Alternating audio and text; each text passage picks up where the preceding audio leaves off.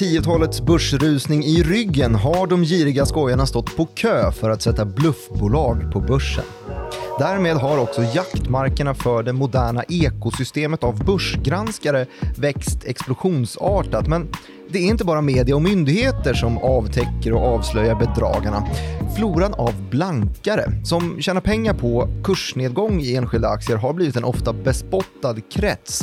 Men de senaste åren har det här fenomenet skördat uppmärksammade framgångar och faktiskt vält omkull multimiljardbolag på löpande band. Ett av de mest uppmärksammade fallen där en blankarfirma kommit från ingenstans och raderat ut stora börsvärden har lyfts fram den här senaste veckan. Men vilka är dessa bolag som lurar brallorna av oss och vilka är blankarfirmorna och hedgefonderna som står på den här andra planhalvan? Och kanske framför allt, hur kan man ställa sig bakom påståendet att de faktiskt båda är nödvändiga? Det ska vi reda ut i Follow the Money, en podcast som ju handlar om makt, storfinans och börsen av och med mig, Martin Nilsson och utrikesredaktör Joakim Rönning. Hej! Yes. Tjena. Hur mår du? Lite trött, lite frusen. Aha. Men nu kör vi. Ja, det gör vi faktiskt. Ja. Det här introt, det handlar ju om Nikola såklart. Mm. Just det. Vad är det som har hänt i Nikola? det har gått åt helvete där. Ja. Um, en blankaranalys som har kommit ut från en firma, ganska ny, nyskapt firma som heter Hindenburg Research. Mm. Som då pekar på en massa oegentligheter och på framförallt ordföranden, tidigare ordföranden, numer eh, och grundaren Trevor Milton då, som en stor fet lögnare och bedragare. Och vi har snackat om Nikola tidigare i, mm. i den här podden, mm. bland annat ett avsnitt som hette Nikola Tesla, eh, eller, eller Nikola, Nikola Tesla. Tesla ja, exakt. Eh, så att vi har tisslat och tasslat om det här det förut. Ehm, men vi kan väl i alla fall för, för historiens skull här ge lite bakgrund. Vad är Nikola för, för företag? Det är ett vätgas lastbilsutvecklingsbolag, mm. entreprenör, um, som då ska skapa världens första serieproducerade vätgaslångtradare. Mm -hmm. Och just nu så är de värda 20-30% mindre än vad de var för någon vecka sedan. Kanske 50% mindre. Det, ja, det svår, börjar svårt att, blir svårt att hänga med i hur värderingen ser ut där. För, uh, alltså, det var ju, man kom på börsen i juni 2020, mm. ganska nyss då. Mm. Och någon vecka senare så var man ju uppvärderad till ja, kapitalbelopp som var större än AB Volvo och Daimler. Och de, de som ju är världens största i... lastbilstillverkare. Så världens, lastbilstillverkare, världens största lastbilstillverkare då hade inte ännu tillverkat några lastbilar. Hmm. Det är lite sjukt. Man, man tog tag i Tesla-värderingen och åkte med den här elfordonshypen. Ja, och det är precis det som uh, Hindenburg Research också pekar på. Um, Trevor Miltons stora Elon Musk-komplex. Mm -hmm. uh, hur han för sig och rör sig i sociala medier och hur han uh, då påstås blåsa upp den här bubblan som finns runt elfordon. där då alla världens stora fordonskoncerner försöker nu komma ikapp Tesla. Mm. Eh, som ju har försprånget rätt klart och tydligt och plötsligt har blivit världens i särklass största eh, fordonskoncern sett till börsvärde. Mm. Eh, så man diskonterar in väldigt mycket framtid i Tesla. Och Det har ju inte gått att säga om de här konventionella gamla stötarna som General Motors och Ford och eh, lika lite som vad det gäller Mercedes, Volvo Cars och what not, you name it. Uh, General Motors är ju av speciellt intresse just ja, för det här avsnittet. Just det. För General Motors då, uh, dagarna innan den här Hindenburg Research-rapporten kom ut, hade ju då tecknat ett partneravtal med Nikola. Så trots då att det har funnits ganska mycket ja, tvetydigheter kring Nikola och vad man egentligen sysslar med. Mm. Uh, hur mycket av de här utfästelserna som kommer från Trevor Milton som verkligen är sanna och hur mycket som bara är en fortsatt vision då som ännu inte finns trots påståenden om att de faktiskt gör det. Mm. Um, så... Um, valde GM då helt enkelt att... Precis, då valde GM att gå in och ska man säga, ratificera Nikola och deras affärsmodell och deras utveckling genom det här samarbetsavtalet då, som egentligen var ett ska man säga, kostnadsbesparingsavtal som skulle leda till just besparingseffekter då på utveckling av eh, ja, elfordon, eh, framtida elfordon som man då ska sätta i produktion. General Motors ville ju liksom ha, de låg väldigt mycket efter eh, elbilstillverkarna och ville på något sätt hitta, Ja, hitta precis. sin väg in i den marknaden såklart, det kan man förstå. Men man tänker ju då när General Motors, som har, det är ett så starkt namn, tecknar ett sånt avtal med Nikola där de tar en, en del av, av ägandet i Nikola också, eller Mm, hur? Precis, man fick 11% då mot uh, det här engagemanget. Och, Då ger man ju otroligt mycket legitimitet till det. ja, precis. För och sen så man att, dagen efter så kommer Hindenburg-rapporten. Ja, precis. Eh, och det är ju just vad... eh, alltså man kan ju misstänka då att de kanske har suttit och ruvat på den här rapporten och väntat på en kursökning, för det ledde ju det här avtalet till då när alla um, farhågor och eh, befaranden blåstes bort då av GMs förmodade due diligence-arbete som ska ha genomförts då. Mm. Det blir ju lätt så att när en, en aktör kommer in i ett annat bolag som man har haft mm, kanske en tveksam inställning till tidigare, då blåser man bort alla tvivel och så kan man bara ta rygg. Ah, nej, men den här smarta investeraren tror på det här företaget. Mm. En så, här stor, en så här stor spelare går inte in i Exakt. ett entreprenörsbolag utan att först göra hemläxan liksom och Mm. lysa igenom bolaget fullständigt. Och det har ju även GM fortsatt uh, hävda att man har gjort. Mm. Eh, VD Mary Barra har varit ute och sagt att eh, vi har skickat in en eh, armé av eh, vårt compliance och riskanalysfolk i eh, Nikola och sett att allt står rätt till. Eh, till skillnad då från Hindenburg Research som när den här kursstegringen på 40% var lagd till handlingarna publicerade rapporten och eh, utlöste en eh, fundamental kurskollaps i Nikola. Mm. För aktien har ju handlats otroligt svajigt eh, sedan dess och det har ju inte um, hjälpt då att eh, Trevor också fick avgå här. Trevor Milton avgick i, på måndagen här, eh, i början på den här veckan. Ja, det, det är ju i alla fall, hade man, hans första svar till det här var ju att hävda att nej, men det här är, det är skit. De ljuger eh, och anmälde då till eh, SEC, motsvarande amerikanska finansinspektionen och sa att det här är kursmanipulation, ingenting av det stämmer. Och när man så sen får liksom avvika från den hållningen och helt lämna företaget, då är det ju att man, man drar med svansen mellan benen lite grann. Så Ja, det var ju lite så det tolkades. Ja. Men någonting som vi ska nämna här tycker jag, du nämnde att eh, det var en kurskollaps. Det här var ju en kurskollaps som också gav ringa på vattnet i hela vätgasindustrin. För det vi såg var att NEL, som vi pratade om tidigare, eh, PowerCell, Metacon, eh, Cell Impact, eh, de Impact flesta... Coating sa vi väl där också. Titta, ännu en vätgasrelaterad aktie också föll. Eh, på, I spåren av att eh, någon drog ner byxorna på Nikola. Ja, och det är väl det man befarar då, att vätgasen i sin helhet ska vara just som, eh, alltså det, just som Hindenburg. Vad är Hindenburg för något? Det är ju lite lustigt då att Hindenburg Research just... Du får påminna mig om vad Hindenburg, Hindenburg var ju den här uh, zeppelinaren som eh. Just det. Ja. crashed and burned. Eh, det har ju blivit ett uttryck därav. Just att eh, man då... Hindenburg Research hävdar sig ha fått inspiration till sitt namn då från den här eh, luftfartygskraschen 1937 Som i kanske New York krävde lite mer due diligence. som hade kunnat undvikas då. Det var en, en mänsklig katastrof som hade kunnat undvikas och på samma sätt då så vill man eh, i rättan tid undvika mänskliga katastrofer på Wall Street. Och tjäna Eh, pengar på det. Och tjäna pengar på det, ja. Precis. Det är ju det man gör. Eh, precis. Och det man påstår då i den här rapporten mer konkret, eh, uh, där för övrigt just PowerCells ingenjör, någon icke namngiven ingenjör citeras som uh, att den ska ha sagt då att det här pratet om Nikolas vätgas, uh, alltså bränslecellsutveckling då som de själva hävdade i absoluta eh, framkanten av världsutvecklingen, att det är, det är tomt prat var citatet.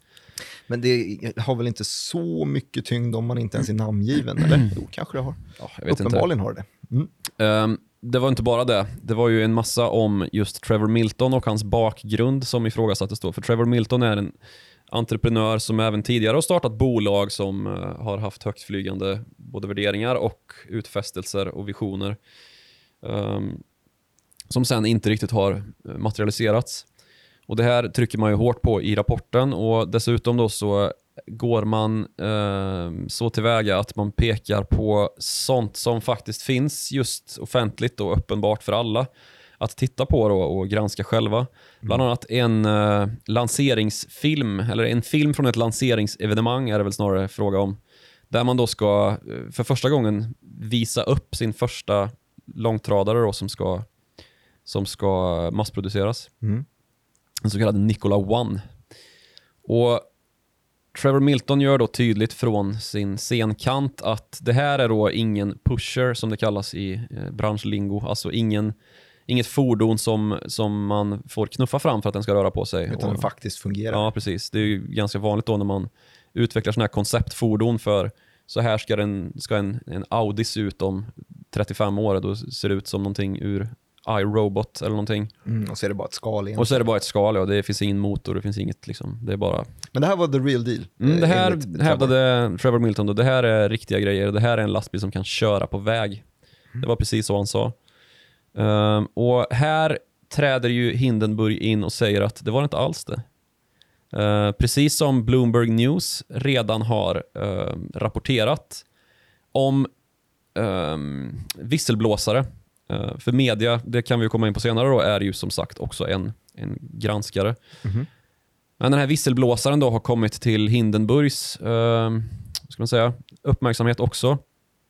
Som då har berättat att den här lastbilen var förvisso eh, sådan att den gick att koppla upp eh, på, alltså den- den, den gick att få igång tändningen på. Mm. Och Det gjorde ju också Trevor Milton en stor sak av då han bjöd in analytiker och media i den här kupén då, förarkupén.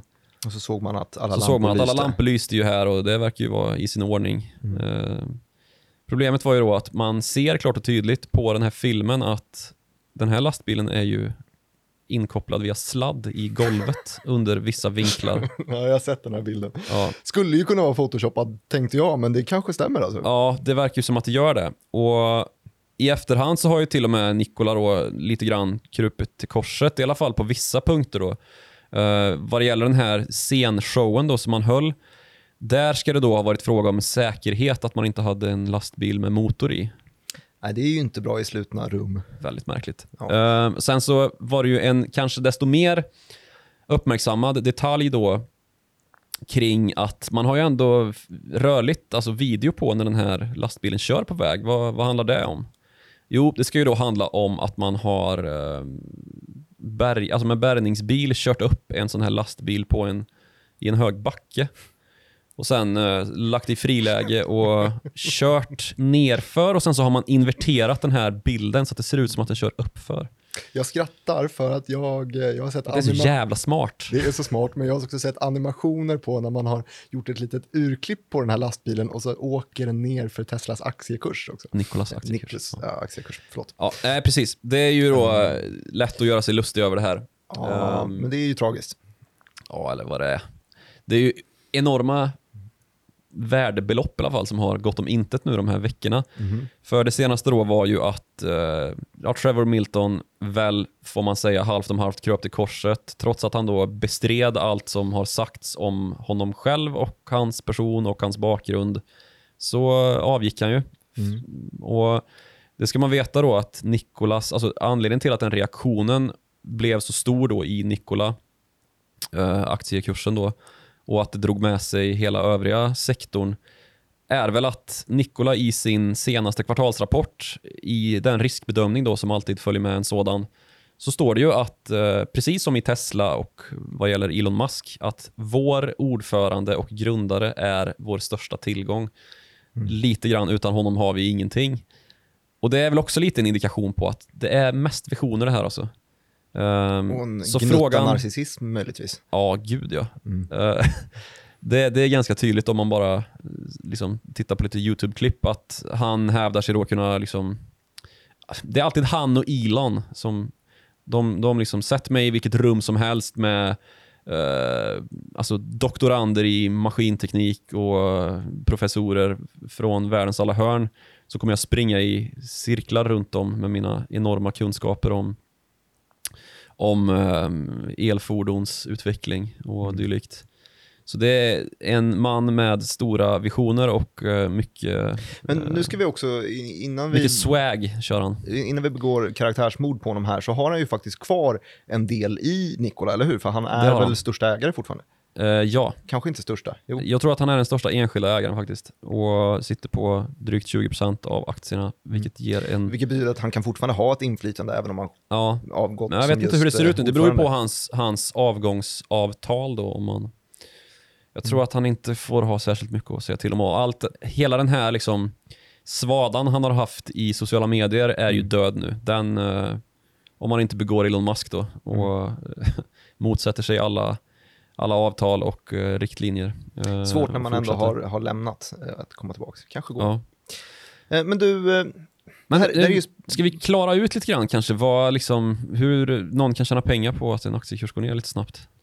Ja, absolut. Hela, hela blankningsgrejen, hur Hindenburg tjänar pengar. Ja. Ja. det är faktiskt rimligt för, för resten av, av avsnittet. Och rent, rent praktiskt så blankning innebär Mm. ju precis som du säger att man, att man tjänar pengar när kursen går ner. Och, och lite mer tekniskt hur det går till så är det väl att man, eh, eh man lånar en aktie och samma sekund som man får aktien i handen så, så säljer man den till marknadspris. Eh, Men då har man ju fortfarande kvar den här fordran, det här lånet, eh, förlåt, att betala tillbaka till personen man har lånat den av. Eh, Och det tänker man då att det gör jag när aktiekursen har gått ner. Så att man lånar aktien, publicerar sin Hindenburg-rapport, aktiekursen faller och där med sina pengar som man hade fått av att man har sålde aktien från första början så köper man tillbaka aktien då till ett billigare pris, tjänar mellanskillnaden minus då det här räntan på lånet.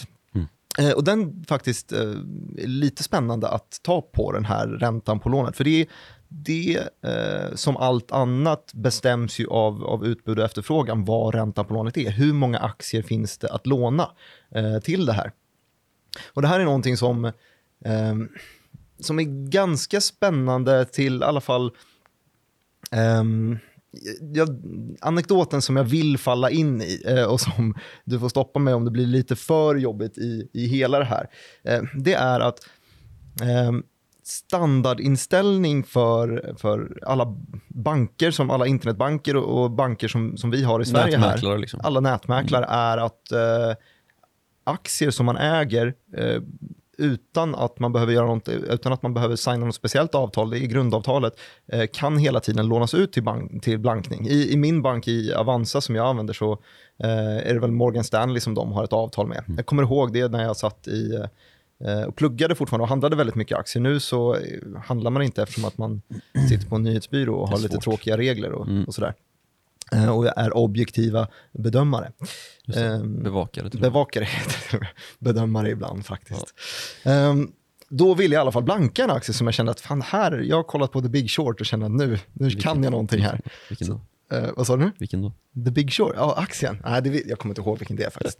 Det var någon lite mindre aktie, så jag ringde till Avanza och sa, Tja, eh, går det att, att blanka, hur, hur gör jag det? Eh, och de, sa, de hänvisade mig då vidare till Morgan Stanley som skulle då bygga det här certifikatet. Men någonstans där så gav jag upp när jag insåg Ja, att det. jag har 440 spänn som jag vill blanka för. Det kommer inte riktigt hålla det här. Men där i så får man det här svart på vitt att utbud och efterfrågan i antalet utlåningsbara aktier spelar väldigt stor roll. För det bestämmer hur dyrt det är att blanka. Mm. Eh, för att eh, det jag vill komma till är, jag hade en, en intervju med en före detta Nasdaq-anställd som pratade om problemet med eh, ett av våra stora börsbolag. Eh, det bolag på OMXS30 som är allra dyrast att blanka. Har du koll på vilket det är? Nej, Nej, det är, det är Stefan Perssons ja, företag. H&M ja. Just det. Ja, exakt. Och det är ju just för att eh, Stefan Persson med familj äger l- 49% av hela företaget. Mm. Vilket betyder att 49% av aktierna i H&M går inte att låna ut, för han håller hårt i dem. Mm, han, han har ju inte dem via, via en nätmäklare som Nej. jag, som lånar ut dem då automatiskt, utan han håller stenhårt i dem. Mm. Vilket betyder att det är bara en viss del av de här aktierna som faktiskt går att, att blanka. Mm. Eh, och då blir det väldigt mycket dyrare, för utbudet är så pass mycket mindre. Mm. Så det blir lite själv, eh, självuppfyllande på något sätt, att det är dyrt att blanka H&M så därför gör färre det. Mm. Eh, sidospår i det hela, men eh, det är i alla fall så blankning fungerar. Och jag kan väl gissa att just nu så är det väl ganska dyrt att blanka Nikola, för att den där var ganska hårdblankad redan. Ja, precis. Ehm, och Det här är ju någonting som, just blankningen som fenomen då har ju blivit ganska hårt ansatt från bolagens sida de senaste åren och det finns ju ett flertal skandaler som har eh, grundats i Alltså bolagens försvar har grundats i att det här är en attack från blankare då, när det har kommit ut information om, om bolaget och dess företeelser. Ja men det är ju någonting, alltså blankare har ju jäkligt dåligt Ja, rykte. Och är det, har ju inte minst, ja precis, blankarmaffian som det brukar kallas på Placera Forum. Ehm, vi har redan pratat, vi har ett helt avsnitt om Wirecard. Där gick man ju oerhört hårt åt blankare och även media då, som man hävdade användes som ett instrument, kanske som nyttiga idioter för de här blankarna då som som uh, satsade pengar på att Wirecards aktie skulle gå ner då med hjälp av falsk information. Nu var ju problemet att den här informationen var ju inte falsk, utan det här var ju bara en kampanj från Wirecard för att försvara sig tills dess att man hade köpt upp eh, Deu- Deutsche Bank och sen kunde liksom skriva av alltihop som en någon sorts ju merger faktiskt- and acquisitions kostnad. Och det här är inget skämt ens, utan det var ju faktiskt så här. Det Ja, var, exakt. Wirecard var på väg att köpa upp Deutsche Bank. Ja. Men det här är ju precis samma timeline som Nikola gör. För att det första Mm. vi, så, vi berättade vi ju här var ju att Trevor Milton gick till SEC och sa det här är kursmanipulation, en attack. Det är precis samma sak som Wirecard gick till, vad heter det i Tyskland, Bafin. Baffin ja. Bafin och sa det här är kursmanipulation, det är en Mm. attack. Skillnaden i det hela var att det gick för fort för eh, Nikola här, så att SEC han väl inte ens göra ett statement, de började väl sin undersökning. Mm. Medan Bafin, de började sin undersökning, höll med Wirecard och bestämde om ett blankningsförbud. Mm. Och det är ju, sig ju helt sinnessjukt att man gör då från Buffins sida och det har de ju fått, fått liksom det har de ju fått i ansiktet nu när det visade sig att Wirecard var en stor bluff. Men det här med blankningsförbud är ju någonting som är ganska så omtvistat och som inte minst uppmärksammades då när coronakraschen kom till börsen i eh, februari-mars här. För då var det ju flera, ehm, flera länders börser som gick ut med blankningsförbud för vissa aktier. Eh, och det, det har ju blivit en... eh, liksom, det är ett element i marknaden som många hävdar är viktigt då för transparens och för den dynamik som finns på marknaden. Absolut, för att det finns ju vissa, det finns ju, om man beskriver den här eh, miljön och, och ehm, vad ska man säga, de som granskar eh, marknaden, den, hela den infrastrukturen, den består ju i, ja, i statliga termer av typ Finansinspektionen, Bafin, SEC, men det är också väldigt mycket media. Media som, som eh, får betalt eh, för att vara oberoende, typ som en, en podd, Follow the Money, som tar upp ämnen och diskuterar dem och försöker vända på det. Precis. Ehm, Men det finns ju också då, precis som du säger, eh, spelare som Hindenburg som tjänar pengar på att eh, trycka ner företag. Men det eh, ökar, precis som du säger, verkligen transparensen, även om det är en attack. Och vid, i de gångerna som det är fel, där de helt enkelt de har fel i sin rapport, och det händer ju också såklart, eh, så, är, så är det ju inget kul att vara, i alla fall under kort sikt, så är det inget kul att vara aktieägare i det företaget som är Nej, utsatt för precis. en attack. Det, men det, det är ju lätt att förstå då varför det blir kritiserat och bespottat. Mm. därigenom att folk faktiskt förlorar pengar på det här samtidigt som de som utför attacken då kanske avgår med segern. Mm. Inte alltid. Det kan vi komma fram till lite senare. Det finns exempel på det också. Men eh, man kan ju då ställa sig frågan, är det verkligen så att man kan ta ett bolag till börsen som inte finns? Eh, för det är ju där man påstår om Nikola nu i stort sett, att det, det här är ju bara en massa designskisser som, som ligger och, och liksom eh, dammar på Det händer väl hela i tiden? Arizona. Ja, precis. Det visar sig att det gör ju det. Eh, jag tänkte dra ett bra exempel. på det. Gör det, jättegärna. Det finns då ett, eller fanns ett bolag som heter uh, Theranos. Eh, ett, en sammansättning av orden therapy och diagnosis, alltså diagnos och terapi. Eh, en tjej som heter Elizabeth Holmes, som då 19 år gammal hoppar av eh, sin kemiutbildning på Stanford och bestämmer sig för att starta ett företag för hon har en vision då om att man måste kunna använda mycket mindre blod än vad man behöver idag för att göra fullskaliga blodtester och ta reda på allt från eh, om man har eh, ja, könssjukdomar till om man har cancer. Mm. Eh, Det behövs ju väldigt mycket blod. Alltså det, alla som har varit på, på en liksom, eh, blodtappning vet ju det. Blodtappning. Ja, det är ju det det handlar om. Det är ju alltså, det är fler rör, liksom. olika tester man ska göra, desto Ja. fler rör är det. Och man Ja. blir ju helt matt efteråt efter en stund och får käka, motivera att käka efteråt. Ja, Som vi gjorde här innan. det gjorde vi faktiskt. Ehm, men det, det, det, hennes vision då var att man ska med hjälp av en droppe blod kunna genomföra all den här analysen. Så hon sa, sätt mig i ett rum med professorer och doktorander så kommer jag springa varv runt om med min nya diagnosmaskin. Tids nog i alla fall. Ja. Och hon blev ju bemött med en enorm entusiasm från hela eh, ja, investerarkollektivet.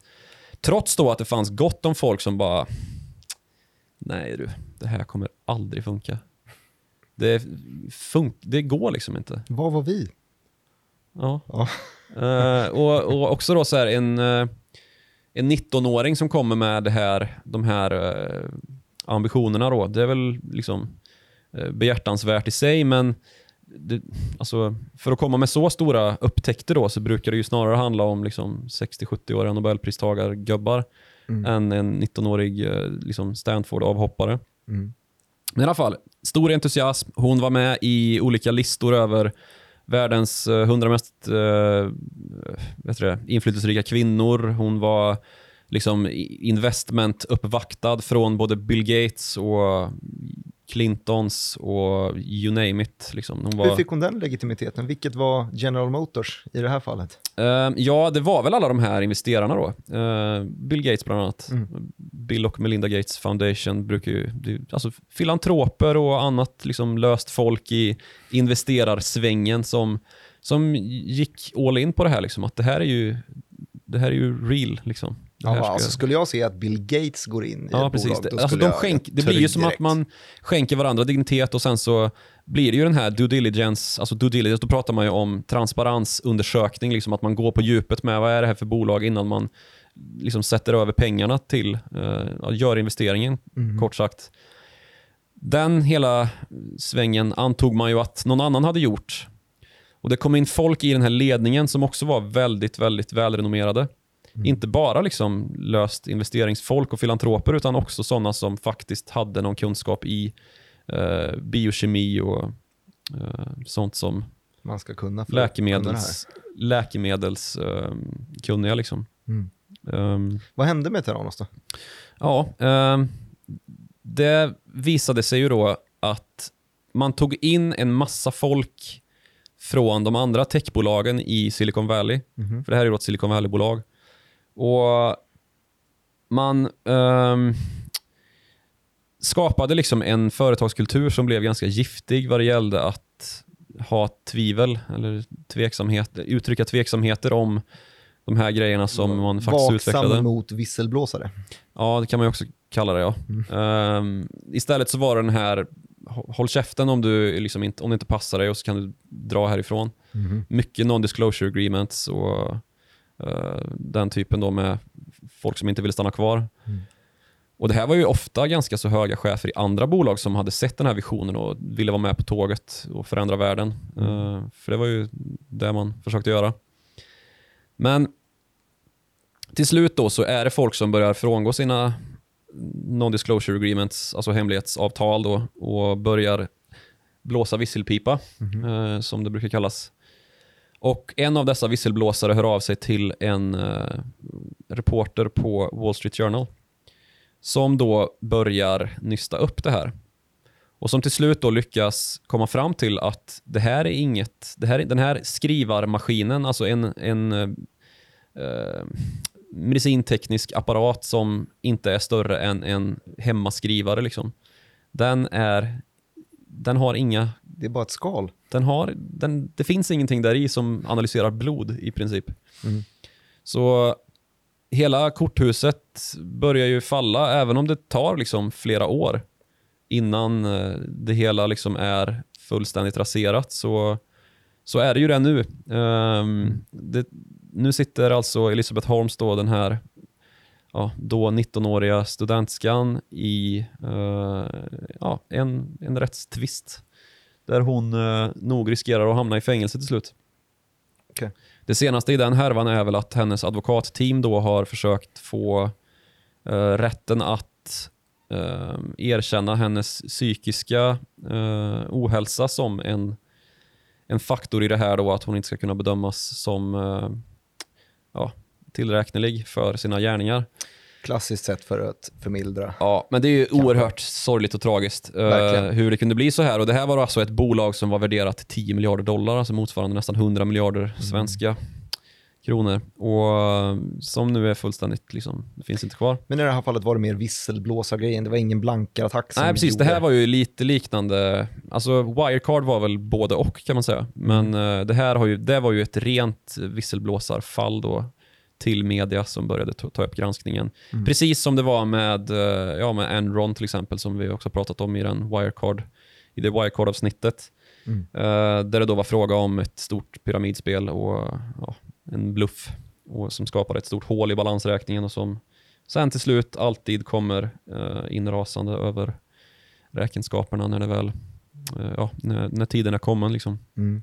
Var ska vi gå vidare med det här då? Ja, vi kan väl börja titta lite på de andra hållen då. Eh, nu har vi avhandlat medierna. Ehm, Blankarna, vilka är de? ja, precis. Jag kommer att tänka på en, ehm, Muddy Waters. ja, För det var nämligen precis när jag började på nyhetsbyrån, tror jag mig. Eh, det här måste ha varit 2016 eller 2015 någonstans där. Mm. Så kom det ut ett, eh, så liksom exploderade int- intensiteten på börsredaktionsgolvet när Muddy Waters släppte en, eh, en rapport om Telia Telia. som fick kursen att eh, rasa verkligen. Och Telia är ju eh, det är ett stort svenskt, kanske man kan vara stolt över företag med mycket affärer i typ Uzbekistan. Svensk-usbekiska Telia. inte nu längre. Nu har de Nej. inte kvar tel, uh, Uzbekistan-grenen. Men det var väl det de var väldigt kritiska mot. Jag vet inte exakt vad, Nej, vad men som då hände där, vi kan väl nysta upp lite där också. Det, på tal om media så var ju det Uppdrag granskning ehm, som hade tagit upp den liksom, granskningen just. Mm. Att man hittade då att det här är ju ett, eh, en massa fuffens eh, som har pågått mellan Telia och eh, diktatorsdottern Mhm. i Uzbekistan eh, som då hade betalats via olika typer av bolag i skatteparadis, flera miljarder kronor för att eh, Telia då skulle få fri tillgång till marknaden i princip. Det är väl jättebra att Muddy Waters kunde sprida lite ljus på det där så att vi Ja visst. slapp grävas ner i den graven. där, den där härvan har vi ju så sent som här för någon vecka sedan i, ett, i en ny Uppdrag granskning fått se eh, ytterligare uppgifter då om den rättsprocess som pågår mot före detta vdn Lars Nyberg där. Det har kommit lite nytt i den Mhm. frågan. Och nu när vi sitter här så är det ju bara några timmar kvar tills de släpper ett nytt avsnitt då om eh, vad man antar ska ha att göra med den här Finzel-läckan äh, eh, läckan som eh, har exploderat över en massa banker. 2000 dokument, eh, 17... 2000 miljarder dollar. var det så det var? Ja, det är några miljoner dokument an- tror jag. Antalet dokument Nej, det är ett gäng dokument. Eh, Deutsche Bank naturligtvis, största försyndare. Eh, Mm. men även eh, SE-banken finns med. Eh, Nordea finns med. Okej, så att man, man, eh, nu vet vi ju faktiskt inte. Det Nej. blir ju lite fortsättning Det följer är på det där. en cliffhanger, ja. Ja. precis. Men när man lyssnar på det här så, så är det ju ute. Då vet man ju. Ja. Ehm, och sen så, ja, det skulle väl kunna vara Swedbank också kanske. Vi får se. Ja, de har ju varit där De förut. har varit där förr. Precis. Men eh, Blankar-maffian var det ja. Vad har vi mer för spännande, vad har vi för Muddy Waters-karaktärer? Muddy Waters, där är vi ju inne på en del eh, Kina-relaterat. Eh, de, Vet du förresten, eh, du som frågade mig om vad jag visste om Hindenburg, vad vet du om Muddy Waters just? Jag vet att de har... ja, Jag, de, tänk- jag tänkte namnet. Aha, ja, du tänker på bluesgitarristen. Ah, fan att du Ja, kan det, det är så kan irriterande. Ja. Muddy Waters, Blankar-firman, Mhm. de har ju då gjort sig kända för att de har varit i Kina en hel del Mhm. och röjt runt. Fått en del bolag på fall som har visat sig vara just pyramidspel och tjafs. Mm. Eh, men mer nutida så har man varit ute och eh, fått det kinesiska kaffebolaget Luckin Coffee på fall. Just det, jättestor, eh, Starbucks-utmanaren från Kina. som Eh, visade sig inte alls vara någon utmanare. Nej, och där hade man ju nyttjat sig av ganska så spännande eh, analystekniker då, att man hade satt upp, eller jag vet inte om man hade satt upp kameror, man hade fått tillgång till video, eh, 11 000 timmar video i alla fall. Och så hade man analyserat de här 11 000 timmarna Ja, video och kommit fram till att det här redovisade, den här redovisade försäljningen från den senaste kvartalsrapporten måste vara förfalskad. Det måste vara typ 70-90% mer än vad som eh, eh, det är i verkligheten då. Fråga om då hade man bara sett, Coffees rä, räknat kaféer. antalet personer som går in och Ja, sagt jag att det är ingen som köper Men det är ju väldigt eh, det är smart, eh, får man säga. Ja. Och Sen så finns det en annan ganska så känd, eh, eller den, den mest kända utöver Muddy Waters är väl Citron. Vad har de för något då? Som de, De har till? också, ja, av någon anledning så hamnar ju många i Kina då och det har också varit ehm, Men jag kan tänka Citrons mig att det är väg. också eh, lättare att försvara, om man nu ser med onda ögon på blankare attacker, eh, så är det väl svårare att blanka eh, precis sin, sin granne om man sitter i USA. Det är väl lättare Ja, att motivera att attackera Men man har varit i. USA också. Man låg bland annat bakom uh, Valiant Pharmaceuticals. Ett, Mm. eh, det har väl jämförts med medicinvärldens Enron ehm, som man fick på fall. Okej. Eller det finns väl kvar fortfarande, men det var en, eh, en redig skandal. Mm. Sen så um, Evergrande Group, ett kinesiskt väldigt stort eh, fastighetsbolag som man också har gett sig på. Känner inte till. Nej. Nu har vi namedroppat mycket Ja, här. ointressant. Ja. Ehm, men om man ska komma in då på när såna här blankningsfirmor kanske inte riktigt når hela vägen in i mål så kan man ju ta upp Pershing. Bill Ackman, en lite kändare finansprofil. Mm. Eh, hans blankarfirma, uh, Pershing då, som gav sig på Herbalife. Jaha, berätta den här historien då. Ja, det är väl lite som ett Tupperware-upplägg kring det här Herbalife. Eh, och det noterade Allt ju... i en plastburk. Nej, men man säljer då kosttillskott och såna grejer. Mm. Och Bill Ackman hävdade ju då att det här är ju ett uppenbart falskt spel. Det, det här är ju... Alltså man, man säljer grejer och får provision på dem som man har värvat i princip då, tyckte han. Eh, Så han investerade ju i en rejäl PR-kampanj då mot Herbalife för att avslöja den här affärsmodellen som just ett pyramidspel och en, en bluff. Liksom. Och mot sig fick han då Carl Icahn, en annan stor finansmogul i eh, den amerikanska Wall Street-världen, Verkligen. som tyckte att det här är inte alls något fuffens med. Så det blev ju en sån uppmärksammad duell där de sitter i en CNBC-sändning och kallar varandra för crybaby och annat. Och här fick ju faktiskt Bill Ackman avgå med total förlust Det är ju väldigt dyrt att ligga snett i en blankning. mot Carl Icahn. Verkligen. Ja. Dels får Eh. man betala den här räntan, men sen så risken då att man fastnar i någon form Ja, av liten precis. klämma också. Det är ju ofta så att när du blankar någonting så måste du ha betydligt mer på fötterna än när du bara köper en aktie. Ja. Eh, Men i alla fall, han, han eh, har ju blivit väldigt ifrågasatt, Bill Ackman, efter det här och har, hans liksom stjärna har dalat ganska mycket. Och Sen så har han en del rätt tveksamma positioner som han gick ut och, eh, alltså ska man säga, kontrapropagerade för i samband med covid-19-utbrottet här. Mhm. Eh, när han hävdade då att eh, hotell, amerikanska hotellaktier kommer rasa, rasa samman. Eh, och när de väl hade gjort det då så gick han in och köpte till den rabatt då som man kan. Ja, men det är ju sånt där fulspel som gör Ja. att man tappar förtroende. Precis, där. det är lite, Mm, var lite, lite fult kan man tycka. Verkligen. Du, Eh, det, och hans, hans fond av Pershing Capital, det är lite av en, en mix av de här olika... Vi har inte varit inne på hedgefond än, vad det är för någonting, men det här är väl mer åt en hedgefond. Jag tror man presenterar sig själva som en hedgefond i alla fall. Hedgefonder använder- då, för att, för att hisspitcha det på något sätt, Ja, är ju helt varsågod. enkelt eh, en fond med ett mandat att eh, investera i olika riktningar helt enkelt. Ja. Vanliga typ aktiefonder har ju inte i regel i alla fall ens mandat att gå kort på, på marknaden. Men hedgefonden kan då hela tiden tjäna pengar oavsett börsklimat. Det är väl så de Mm, marknadsförs. det är så de marknadsför sig. Och de har haft det ganska tufft nu när det har varit så, så håsigt på börsen de senaste åren. Eh, Just för att det är svårt att tjäna pengar när marknaden är upp för de här som vill att marknaden ska, eller vissa delar av marknaden i alla fall, ska gå ner. Um, det har gjort livet lite surt för dem. Men eh, Pershing då har en verksamhet som både består i att analysera, och det gör ju allas, alla hedgefonder jobbar ju på det sättet att man analyserar naturligtvis Mm. innan man går in och tar sina positioner. Ehm, men det den här hedgefonden också gör då är att man eh, kliver in som aktiv aktivist. Då i, så de, Bill Ackman vill gärna kalla sig för en aktivistinvesterare. Och aktivistinvesterare har vi ju exempel på i den svenska finansfloran också. Ju.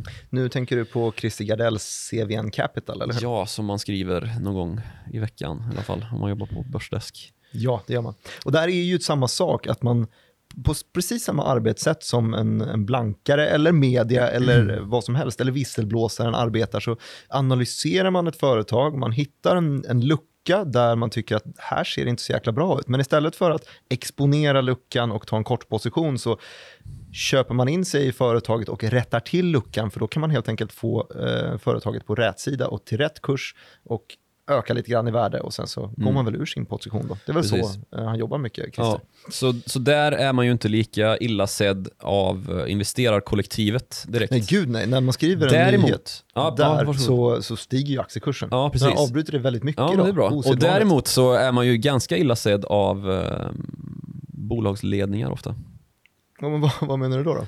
Nej, men det ju, blir ju stö, störigt liksom, när det kommer in en Chris Gardell och vill uh, sitta med och bestämma helt plötsligt. Uh, det har ju många svenska bolag fått erfara. Men de ser ändå sin aktiekurs stiga i regel.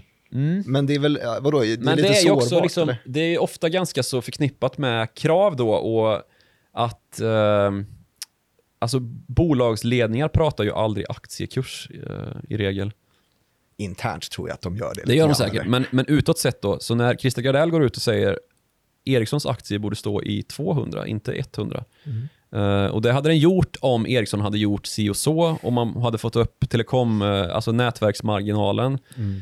uh, med si och så mycket. jag intervjuade Börje Ekholm, VD på Ericsson en gång och han sa ju inte rakt ut, men när jag frågade då, men du Christer Gardell tycker ju att ni borde få upp er till nätverksmarginal, si och så. Mm. Då blev han rätt sned och tyckte att det var en jävligt dålig fråga. han gillar inte Christer Gardell. Ja, vad bra att Christer Gardell vet det, sa han. um, men ja, det, det kan man ju förstå också då. Um, och samtidigt då så är man ju förbunden att på något vis med, liksom samarbeta med sina ägare naturligtvis. Det är klart. Och det är ju ofta det pressmeddelandet som kommer när det redogörs då från Alltså det här är mycket vanligare i USA, uh, där det finns... Elliot Capital är en sån aktivistfond som är väldigt aktiv mm. och har mycket deg att röra sig med. Uh, så det är ofta liksom att Elliot går in hit och dit och då kommer pressmeddelandet dagen efter att uh, man har beslutat sig för att ja, men samarbeta med Elliot och man tror att man kan få någonting väl ut av det här. Då. Mm. Och Ofta så är det ju just en positiv rörelse som, som det renderar i, men inte alltid. Eh, det har ju bland annat CVN fått erfara rätt bittert i ThyssenKrupp till exempel, det tyska stålkonglomeratet. Just det. Ett riktigt sorgebarn i den portföljen. Men ständigt merge-aktuellt med SSAB eller uppköps eller hit och dit? Ja, flera olika allt möjligt. Man har precis sålt av sin hissdivision här. Um, men det, det, så det är ju inte lätt liksom, och det är inte alltid det blir en, en uh, direkt effekt då. Eller även om det blir en direkt effekt så, så är det inte säkert att den består då. Om det inte, liksom, som i Tyskland då, där det finns de här uråldriga strukturerna för hur bolag sköts och ska skötas enligt den tyska liksom, sättet att se på det. Blankningsförbud. Blankningsförbud och uh, fördömda hedgefonder. Mm. Och en, en sån kultur då som jag har fått uh, smaka på uh, riset i världsmedierna, finansmedierna efter den här skandalen med Buffins blankningsförbud mot uh, bluffbolaget Wirecard där man valde att lyssna på bluffbolaget snarare än de som granskade. Kommer det fler sådana här bluffbolag då tror du? Ja, det gör det. Det kommer alltid finnas och det är lite där vi kanske ska landa. Att det, den här dynamiken med både bluffbolag och med eh, myndigheter som tillåter att bluffbolag, alltså att nätet inte är så tätt att det fångar upp alla bluffbolag innan de noteras. Eh, det ska inte vara så tätt. För det måste få finnas visioner, man måste få lova att, eh, som Trevor Milton då, att vi ska, vi ska liksom ehm, det här ska bli en världsomvälvande resa med vårt bolag. Sen så är det ju då när man talar över den här gränsen där visionen inte har förverkligats men man ändå håller fast vid att det har den gjort som Trevor Milton påstås ha gjort då i den här Hindenburg Research-analysen. Mm. då finns det en väldigt viktig självsanerande eh, effekt då från de här olika granskarna, både media och blankare och hedgefonder. Och, eh, den måste få bestå. Um, annars så får vi en väldigt trist och trög marknad att uh, förvalta kapital i och från.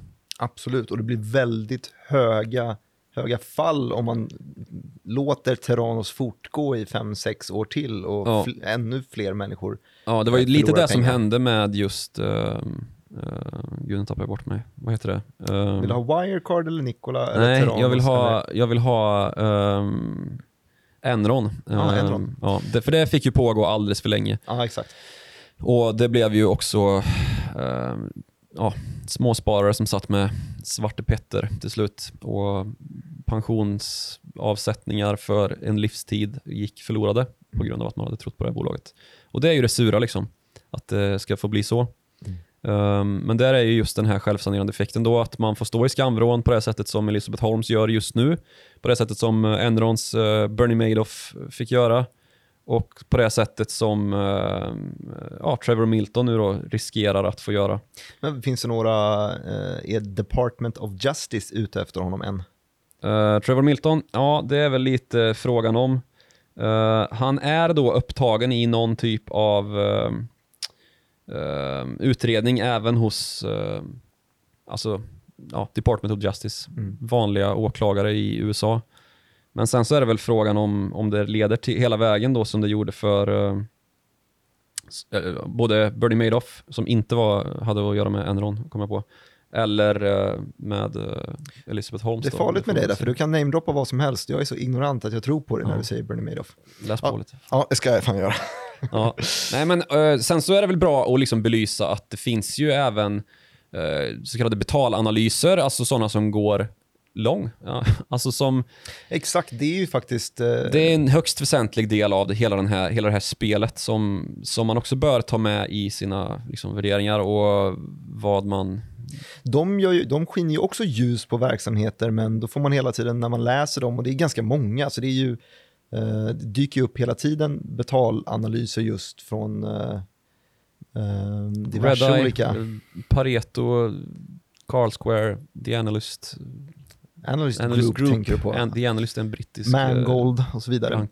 Eh, och det är ju såklart det är en del av deras företagsmodell att, Ja. att ta betalt för att eh, skina ljus på företagsmodellerna. Men då får man ju den här eh, automatiska biasen också. Att Mm. Det finns ju inte ett företag som aktivt går till en sån här analysfirma och säger hej, skriv om oss eh, och sätt en säljrekommendation. Mm. Då, då köper man ju inte om det kommer en säljrekommendation. Och blir man firman som eh, tar för hårt på sin integritet och bara skickar ut säljrekommendationer för att liksom stärka Mm. sitt varumärke, då kommer man inte bli anlitad sen i framtiden. Så det är Nej. därför vi ser också att bland köpanalyserna 90% e-köp, eller uppdragsanalyserna 90% e-köp eller Ja. behåll. Det är och det där, kan, det där har ju också liksom satts i viss, ja, inte i system kanske, men det används ju ibland inför ett emissionsbesked som ju görs till den snittkurs man har haft ofta. Just det, det var något bara här i, Ja, dagarna. vi behöver inte nämna några namn, men det var då Alcinova, ett bolag som, eh, som eh, ja, det, det kom en, en betal, betald uppdragsanalys och eh, aktien rusar med över 40%.